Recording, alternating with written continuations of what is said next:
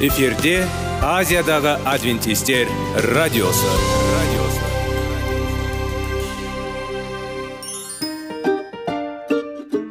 сәлем достар. Денсаулық өмір бұлағы және біздің бірінші байлығымыз демекші денсаулық сағаты рубрикасына қош келдіңіздер.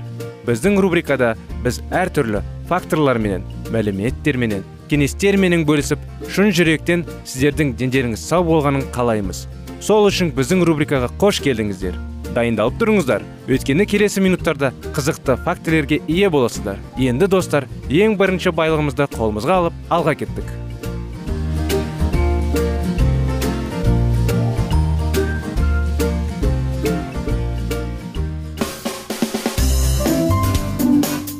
Денсаулық туралы хабар. Денсаулықтың ашылуы. Күн сайын сөз үшін күшті кеңестер соңғы жаңалықтар қызықты факторлар. Біздің рубрикада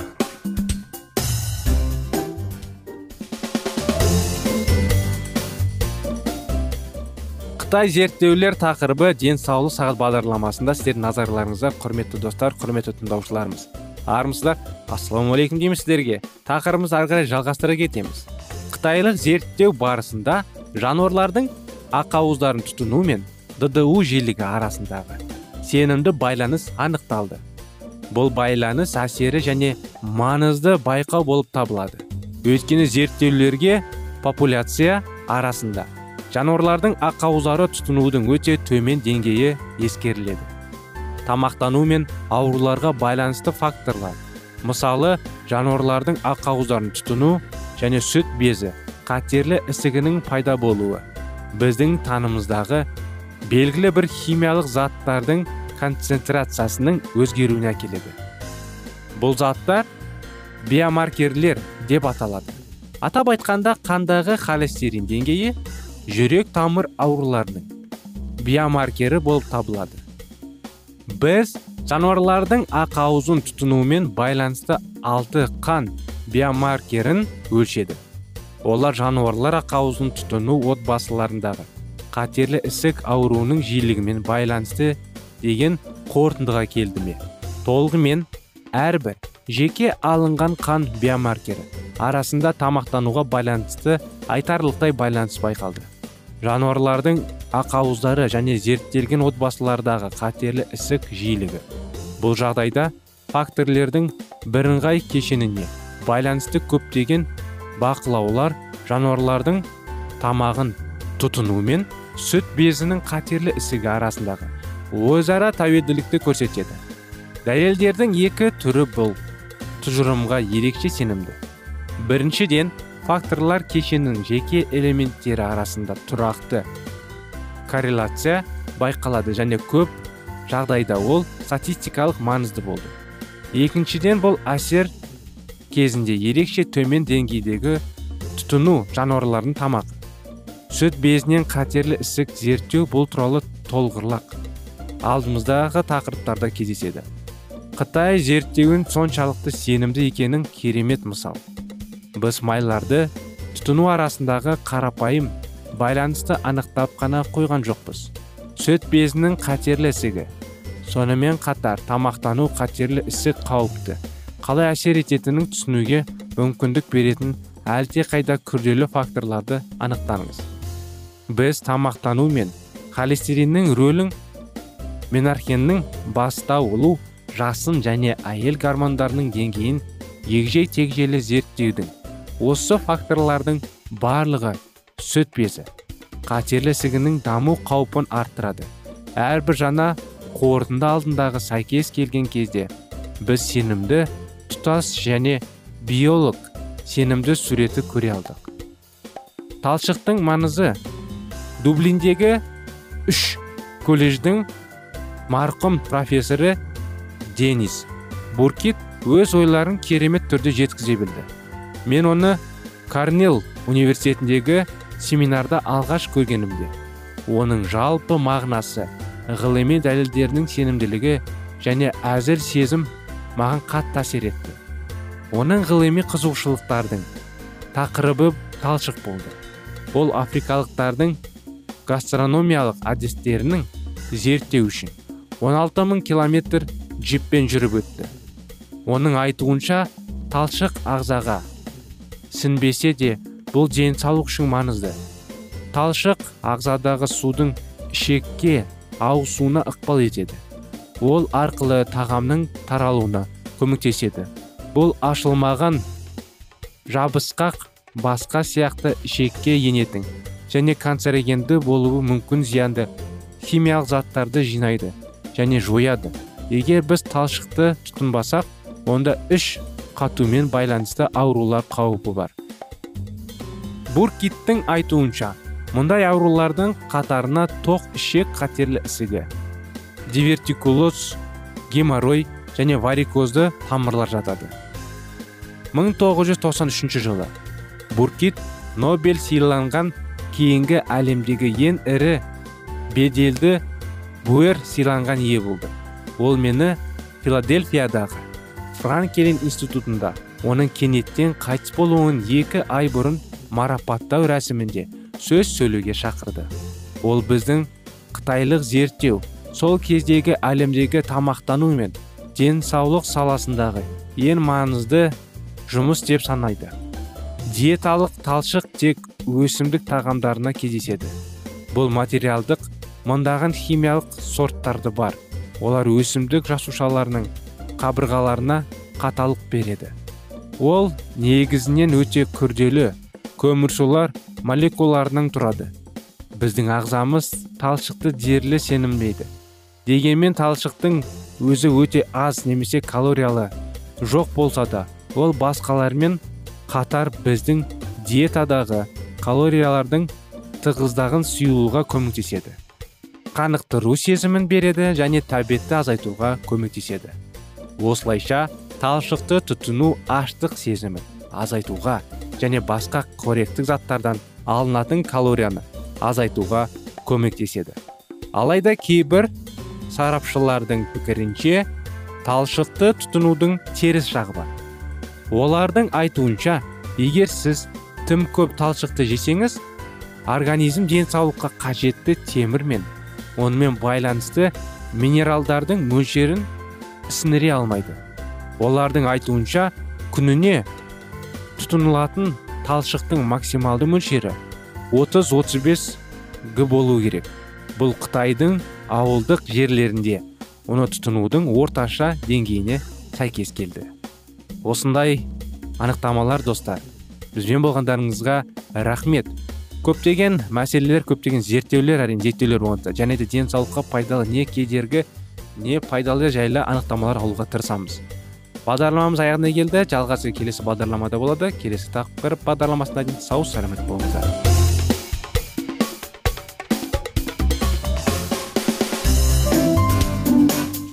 Денсаулық туралы хабар. Денсаулықтың ашылуы. Күн сайын сөз үшін күшті кеңестер соңғы жаңалықтар. Қызықты факторлар біздің рубрикада.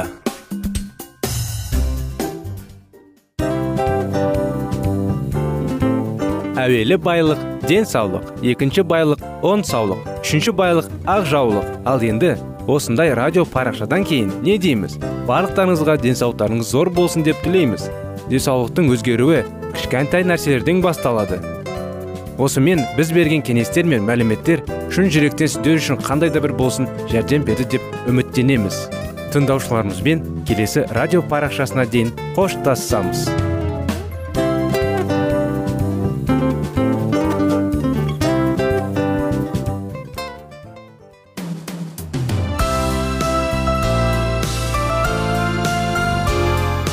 эфирде азиядағы адвентистер радиосы радиосы.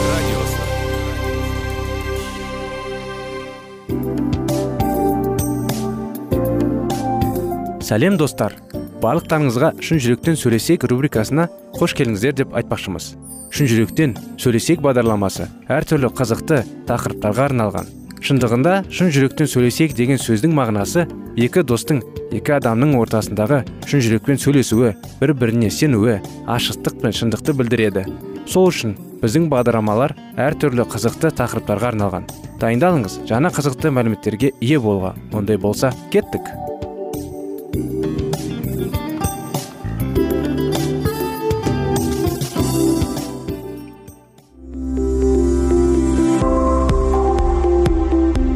алтын сөздер.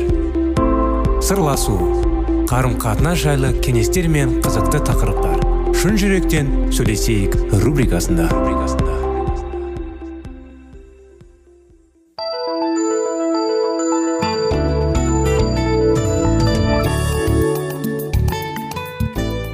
Армысыздар ма сәлеметсіздер ме құрметті радио тыңдаушыларымыз сіздермен бірге шын жүректен сөйлесейік бағдарламамыз. Қош келдіңіздер. Біздің бағдарламамызға сіздердің назарларыңызға 25 керемет неке оқиғаларының жалғасудамыз. Өйткені сендерге деген ниетім өзіме аян. Сендерге қасірет емес. Амандық пен тыныштық бұйырып болашақпен үміт сыйлайтын ниетім бар деп нық айтады жаратқан осы уәде бізге екі түрлі таңдауды ұсынады. Қандай? Осы сөздердің шынайы екендігін сену және біздің некемізге арналған құдайдың көрсеткен мақсатын қабылдау немесе оның өтірікші деп жормал жасау. Сіздің болашақтағы ерлі зайыптылар одағаны көз жібере отыр жаратушы ие өзінің ұлын нақтылы түрде көрсетеді. Осы мақсатты сіз қай уақытта оның рақымы мен сенімі және кішіпейілдік таныту кезіндегі жігерін қабылдаған кезде барып жүзеге асатын болады. Егер біз ұзақ және бақытты өмір сүруді жоспарлайтын болсақ әйткенмен де ол өзіміздің жеке күшімізбен шектелмейді. Ол біз арқылы әрекет ететін оның рақымдығы құдайдың сүйіспеншілігінің көрінуі болып табылады. Сіз құдайдың біздің некемізге қолын нақты бір сілтеген шығар деп ойлауымыз мүмкін. Бізде болашақ жоқ. Махаббат алыстап кетті деп ойлауыңыз мүмкін. Бәлкім сіз өз күшіңізбен әрекет етуге талпынғандықтан осылай айтатын шығарсыз. Сіз өзіңіздің жеке дәрменсіздік және өз некеңіз жайындағы армандарыңыздың орнын құдайдың күшімен арманына ауыстырыңыз дұрыс болады. Сіз оған сенген шақта ол сіздің армандарыңызды алып оларды өмірмен толтырады және сіздің жүйеңізге көктегі мақсатына отырғызады. Бұл дегеніміз әртүрлі жаңағындай даршылдық қалдыра отырып мәсіхтің қауымының сүйгені сияқты. Өз әйелдеріңді сүю үшін жүргеніңіздің жүрегімен толтырады. Ал әйелдер сіздерге күйеулеріңді сыйлау үшін ол күш қуат береді. Осылайша сіздердің екеулеріңізді де некенің ұлылығында есе алатын боласыздар. Киелі кітап құдайға сенім артпайынша оған ұнамды болу мүмкін емес деп нақты айтады. Неге құдай сенімді өте қатты жақсы көреді екен? Өйткені оған сенім арту арқылы біз ол тәрізді болу үшін күш қуат аламыз. Ал біздің үшін құдайға ұқсас өмір сүретін артық жақсы өмір жоқ. Ол біздің рахаттануымызға қарап соған қанағаттанады. Және біз осы жерде уақытша бақытты болу жөнінде айып отырған жоқпыз. Біз ұзақ уақытқа созылатын қуаныш қанағаттану және рахатқа бөліну жайында айтып отырмыз. Құдай сіздің некеңіз үшін тек ең жақсы нәрсенің ғана болғанын қалайды. Ал оның ең жақсысы оның толтыратын бере алатын одағының ғана қалыптасады. Сызба адамдар жиі жағдайда сенім мен үміт женінде екеуі де бір ұғымды білдіреді деп қабылдайды. Егер сенім бұл ұлы некенің құрылыс материалы болатын болса онда сенім оның сызбасы бола ма? Басқаша айтқанда үміт ол қалыпқа ұқсайды.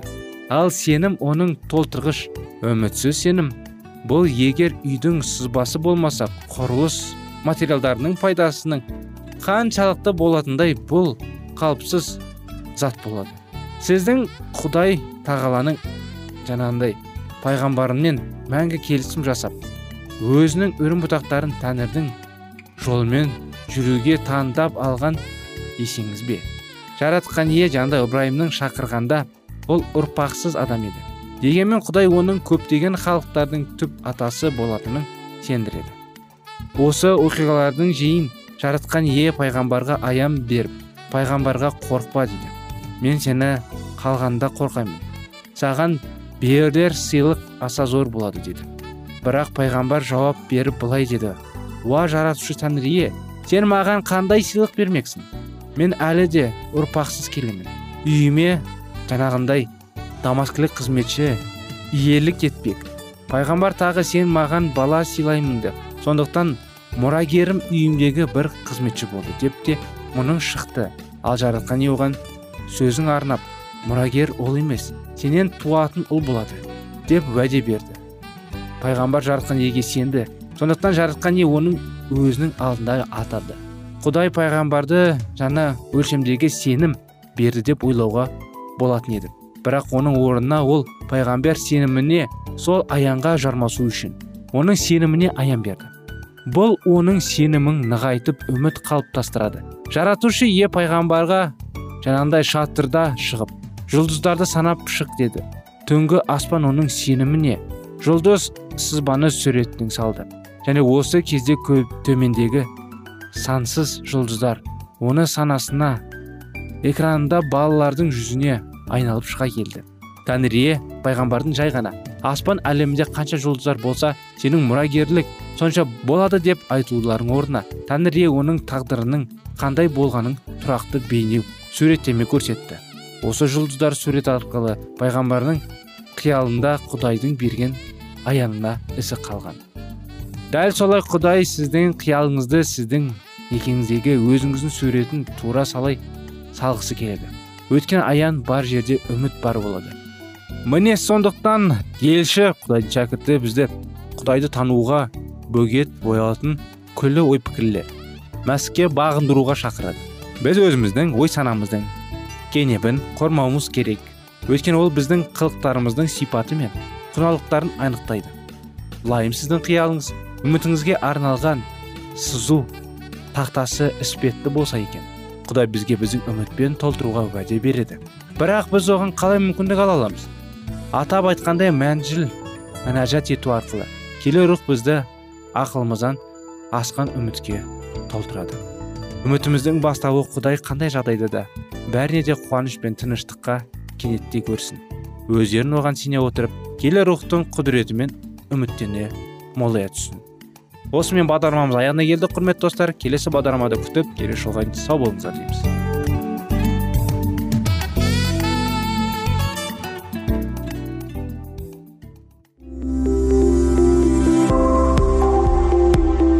Алтын сөздер. Сырласу. Қарым қатынас жайлы кеңестер мен қызықты тақырыптар. Шын жүректен сөйлесейік рубрикасында.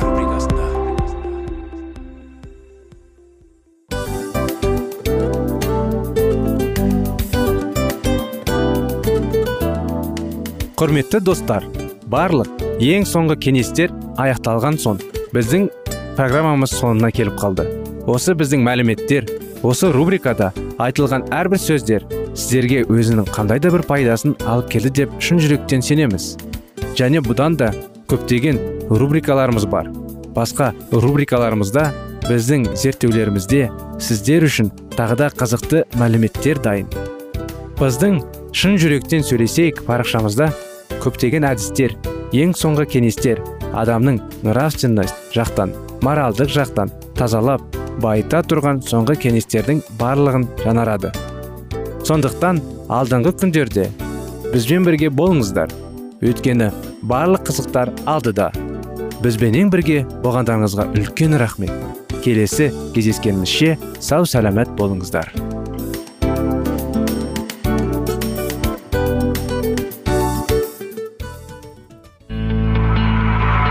Жан дүниеңді байытқан жүрегіңді жаңғыртқан өмірдің мағынасын ойландырған рухани жаңғыру.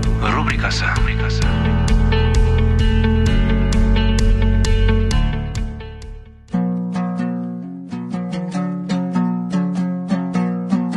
Ассалаумағалейкум біздің тыңдаушыларымыз.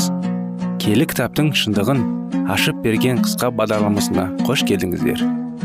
Барлығынан жоғары жаратушы біздің қарыңғылықта жалғыз қалдырып қойған емес.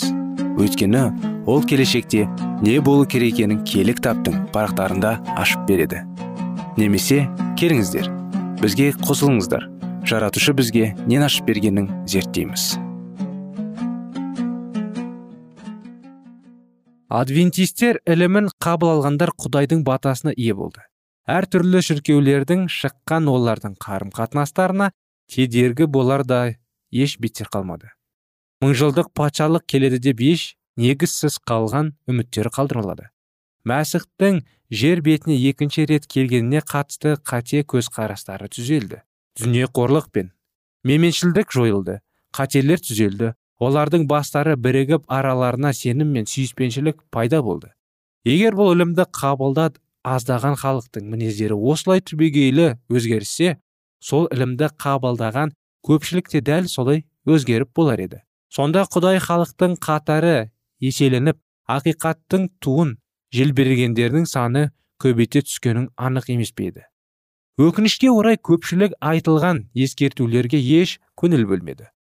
Құдай жолында қызмет етіп жүрміз дегендер өздерің ақиқаты қабылдауға қабілеттер жетпеді. Өйткені олардың көңілдері жер бетінің қызығына ауға болатын. Сондықтан да олар исаның жер бетіне екінші рет келетін жайлы хабарды естігенде оған сенбеді. Неше түрлі салт дәстүрлер мен ырым жырымдарды көбірек ойлағанды дұрыс санады. Ал ақиқатты арнайы білімсіз қарапайым жандар уағыздағандықтан оларды ешкім тыңдаған жоқ. Шындықты тыңдаудан бас тартқандар киелі кітапта берілген аяндар құпия және оны түсіну мүмкін емес деп шығарып қойды. Кейбір адамдар ақиқатты уағыздаушылардан гөрі өздерінің діни ұстаздарына көбірек сенді. Енді біреулер ақиқатты мойнағандармен ол жайлы ашық түрде жариялап айтуға батылдары жетпеді. Осының бәрі мәсіх исаны жақсы көретіндерден гөрі. Мына дүниенің алдамшы қызығына бет бұрып дүние құмарлар санының көбірек екенін байқатты. Сондықтан да олар көктен келген сайды қабылдамады. Бірінші періштенің хабарын қабыл алмады. Яғни өз құтқаруларына немқұрайды қарады.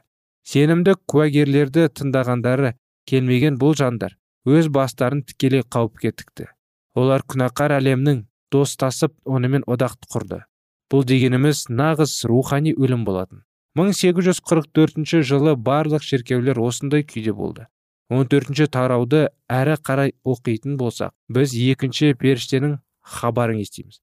Онда барлық халықтарды бұзылықтан барымда шарабымен тойындырған ұлы халық құлады құлады бабыл дегелінген. Бабыл аралас тәртіпсіз қозғалыс. Деген мағынаны білдіреді. Киелі кітапта бұл өз бұзақылық деген мағынаны білдіреді. 17 жетінші тарауда бабыл әйел бейнесімен суреттеледі. Ақылды әйел таза шіркеуді.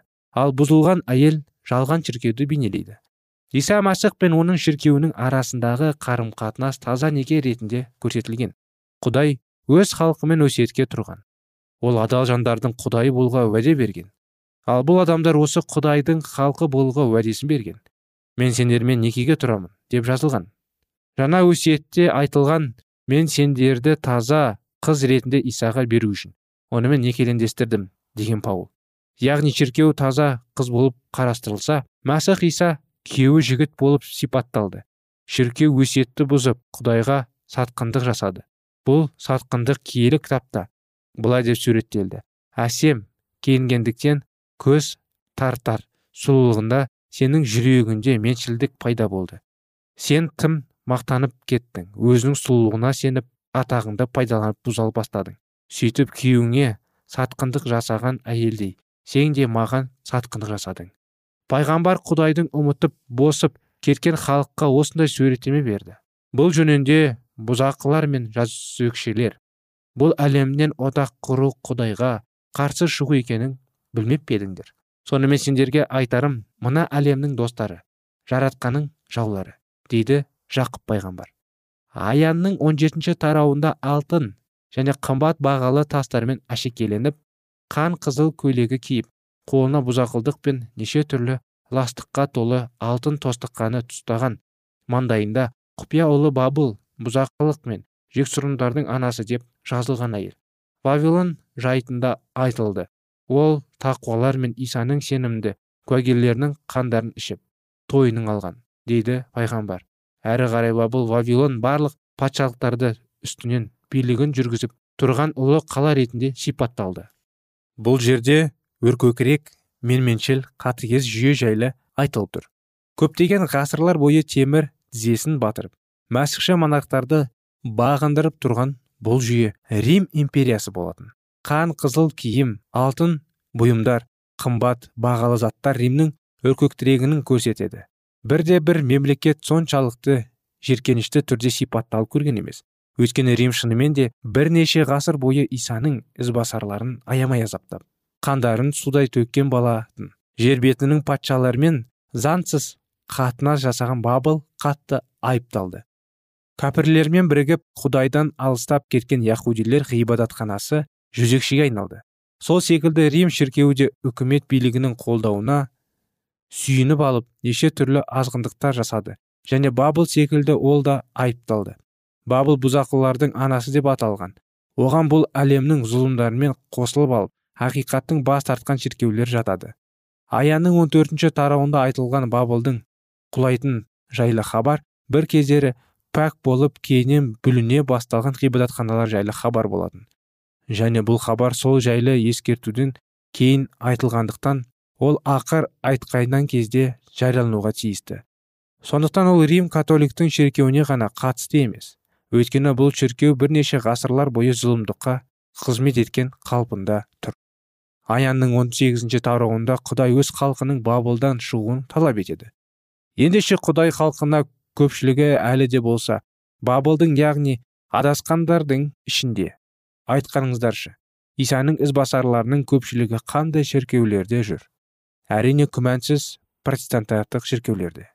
Шіркеудің жанында жанарып жатқан жағында протестанттық ілімді қабылдағандар ақиқатты мойындап құдайдың жағына шыққан болатын. Сонда алла оларға батасын берген еді. Тіпті қатыгез деген заманның өзі ізгі хабардың ұстанымдарын мойындаған болатын. Шіркеудің сол көздегі күйін құдайдың берген таза киімін киіп суланған кезінде атағы әлемге тарған еді. Сымбатты келбетіне барлығы қызылған деп сипаттайды пайғамбар. Бірақ олар кезінде израиль құдайдың қарғысына душар еткен күнәқарлыққа батты. Сен өзінің сымбатты келбетіне мастанып бұзақыл жасай бастадың делінген.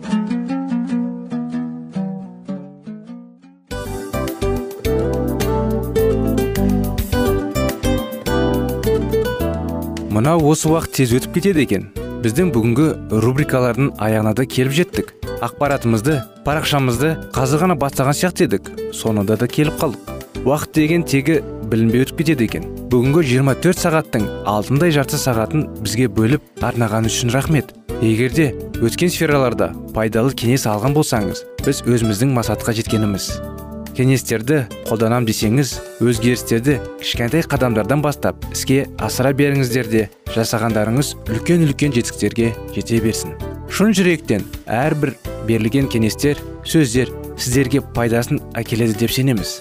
Сіздермен бірге кездесулерімізді сөзсіз түрде асыға күтеміз. Сәтті күн тілеп сіздер менің ұзаққа қоштаспай келесі кездескенімше тек қана сау саламатты болыңыздар дейміз. Достар біздің бағдарлама бойынша сұрақтарыңыз болса әрине сіздерге керекті анықтама керек болса біздің whatsapp нөмірімізге хабарлассаңыздар болады. Плюс бір үш жүз бір жеті жүз алпыс алпыс жетпіс. Иә достар сіздер қателеспедіңіздер. Бұл біздің номерлерге ұқсас болмаса да бұл whatsapp номер арнайы. Хабарласыңыздар сұрақтарыңызды қойып тұрыңыздар. Анықтаманы алып тұрыңыздар. Плюс бір үш жүз бір жеті жүз алпыс алпыс жетпіс whatsapp номері.